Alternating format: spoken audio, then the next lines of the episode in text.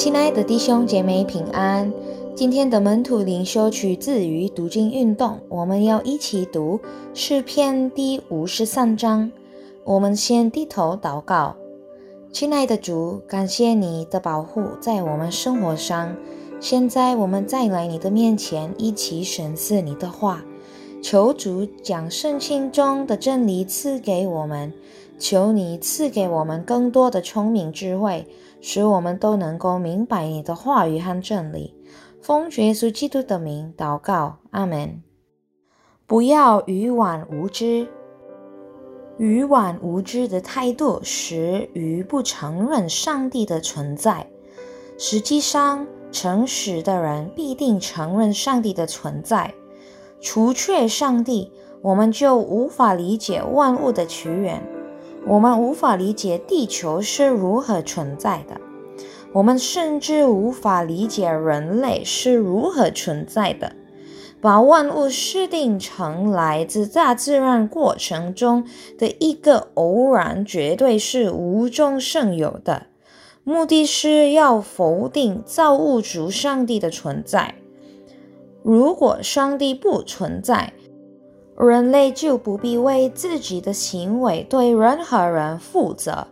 因此，为了使人能够为所欲为，就必须排除有上帝的说法。无知的人违背自己的良心，就会对自己说没有上帝。因此，愚顽无知的人觉得可以自由随意做任何事情。而人的罪性使人们所行倾向于犯罪。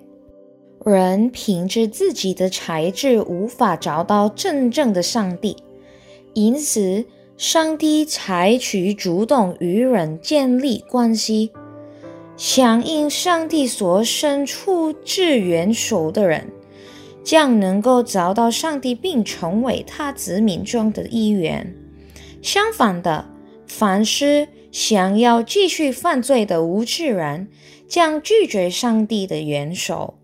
上帝说：“愚顽的人若吞吃我的百姓，及压迫上帝的子民，是不足为奇的。他们没有意识到自己将会受到上帝的惩罚。上帝的子民自然会期待上帝的帮助。”但是，上帝总是已经有些计划是我们当下所不能理解的。当我们认为上帝似乎不理会我们时，实际上，在我们无知的情况下，上帝正在进行准备救回他的子民。历代以来，我们都能够遇到一些否定上帝存在。并违背常理、行为邪恶的以往人，凭现今的科技，并没有消除人的无知，却反而增加了人类可以实施的各种各样犯罪类型。切莫无知！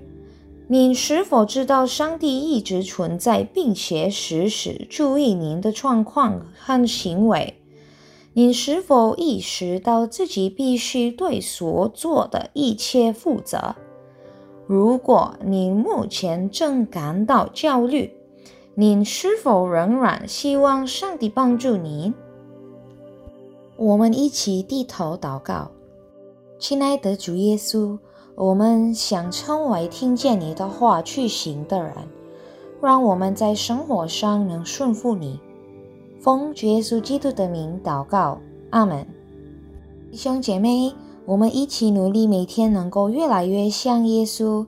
祝你们身体健康，每天快快乐乐的。上帝与你们同在，再见。